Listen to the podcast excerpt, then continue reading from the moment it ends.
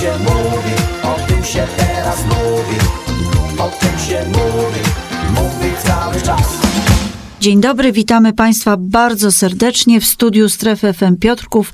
Marek Krawczyński, prezes zarządu Elektrociepłownia Piotrków. Dzień dobry, panie prezesie. Dzień dobry pani, dzień dobry państwu. Panie prezesie, wokół kogeneracji jest y, różnych wiele tajemnic, różnych y, pretensji, zapytań. Jak to z tą kogeneracją w Piotrkowie jest? Co to jest w ogóle ta kogeneracja? Kogeneracja jest to produkcja energii elektrycznej. W tym procesie ciepło jest odpadowe i miało być wykorzystane i będzie wykorzystane dla ogrzania mieszkańców Piotkowa. Czy to oznacza, że najpierw powinna być produkcja energii elektrycznej, a potem ciepła, które będzie wykorzystywane jako odpad w pewnego rodzaju? Tak, bo przy produkcji energii elektrycznej powstaje bardzo duża ilość ciepła, którą trzeba odebrać. Te urządzenia muszą być chłodzone i to ciepło jest wtedy ciepłem odpadowym, co nie oznacza, że jest to za darmo.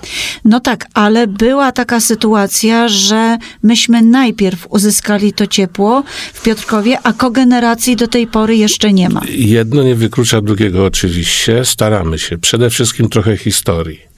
Prezydent miasta Krzysztof Chojniak podpisał w grudniu w 2020 roku umowę z Narodowym Funduszem Ochrony Środowiska na dotacje na wybudowanie kogeneracji. I ta kogeneracja zakładała, że będą dwa silniki gazowe, oba po 4,3 to razem 8,6 MW mocy elektrycznej i 8,6, 8,5, 8,6 MW mocy cieplnej. Ale Dlatego, proszę Państwa, że elektrociepłowni jeszcze nie było. W tym czasie jedyną instytucją w Piotkowie, która mogła dostać dotację, był samorząd piotkowski.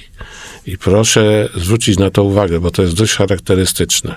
My żeśmy z prezydentem Karzewnikiem byli w Narodowym Funduszu Ochrony Środowiska, gdzie ustaliliśmy, że po otrzymaniu dotacji prezydent miasta przekaże w drodze cesji całą dotację i umowę z Narodowym Funduszem do elektrociepłowni. To było uzgodnione z Narodowym Funduszem Ochrony Środowiska. Panie prezesie, a dlaczego tak dziwnie?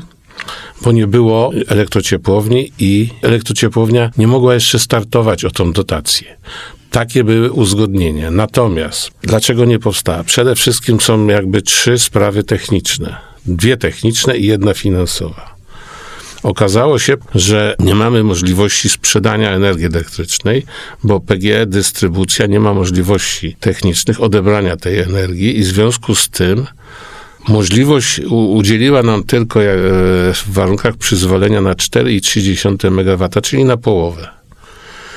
Drugi aspekt to jest e, w tym terminie, w jakim była zaplanowana inwestycja i uzgodniona z Narodowym, czyli w tej aplikacji, nie byłoby gazu dla kogeneracji. Chodziło głównie o to, że ta inwestycja musiała być dokończona do końca 2022 roku.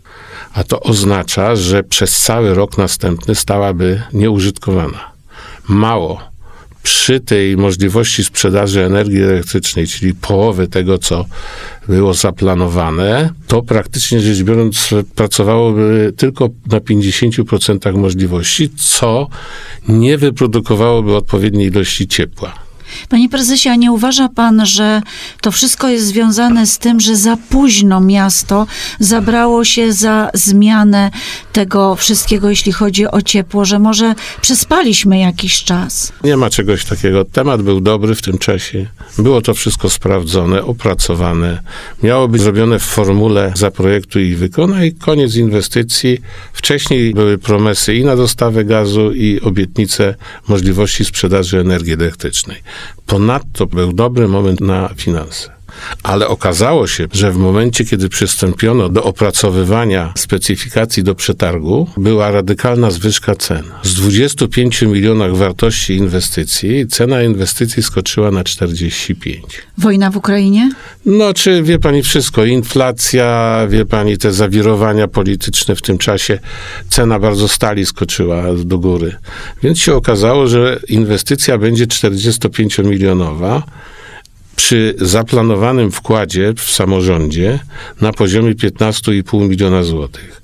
W tym momencie ani nie było takich pieniędzy, a znając prezydenta Chojniaka, wiemy o tym, że ogląda każdą złotówkę pięć razy.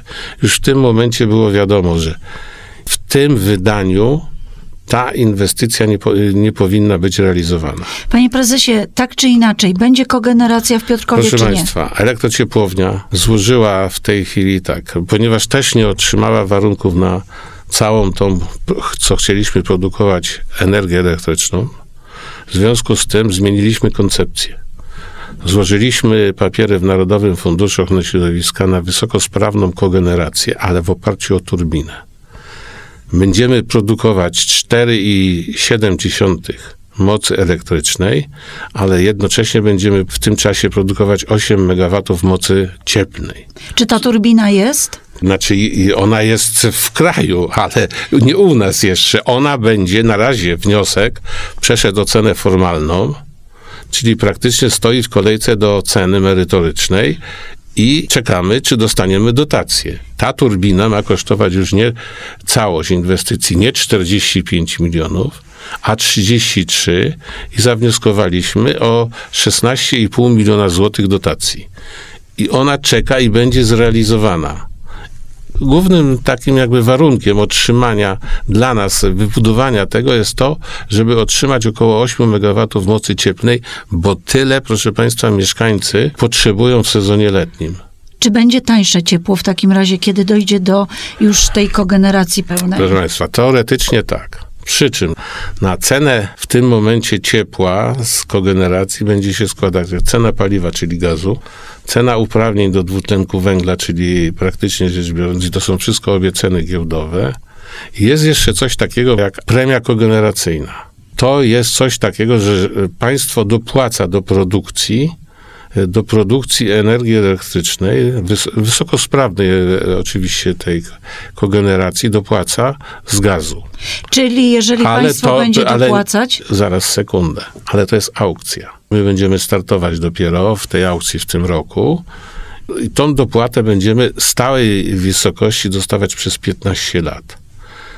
I teraz jest ta relacja tych trzech jakby czynników podstawowym warunkiem. Cena gazu giełdowa, cena uprawnień giełdowa i wartość, y, którą się wygra na aukcji tej premii kogeneracyjnej. panie prezesie, to kiedy możemy liczyć na to, że pan przyjdzie i powie, kogeneracja jest w Piotrkowie, działa? Jeżeli tylko dostaniemy dotację, czyli wniosek zostanie oceniony i podpiszę umowę w Narodowym Funduszu Ochrony Środowiska, to w tym momencie mogę przyjść do Państwa i powiedzieć, zaczynamy inwestycje w formule zaprojektuj i wybuduj w oparciu o turbinę japońską o mocy 4,7 MW mocy elektrycznej i 8 MW mocy cieplnej. A kiedy ewentualnie pan powie, kończymy, bo to jest pewnie jakiś Znaczy- przebieg czasu. cykl takiej inwestycji minimum to jest dwa lata.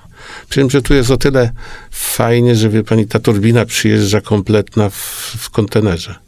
Gotowa do podłączenia. i My jesteśmy gotowi do tego. Tu nie ma żadnego. My od strony ciepłowni na ulicy Orlej, rozdzielni elektrycznej, jesteśmy do wszystkiego przygotowani.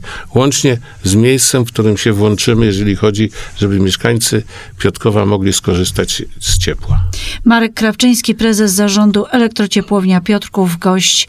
O tym się mówi, Strefa FM Piotrków. Dziękuję bardzo i do usłyszenia. Dziękuję Państwu, dziękuję Pani. O tym się teraz mówi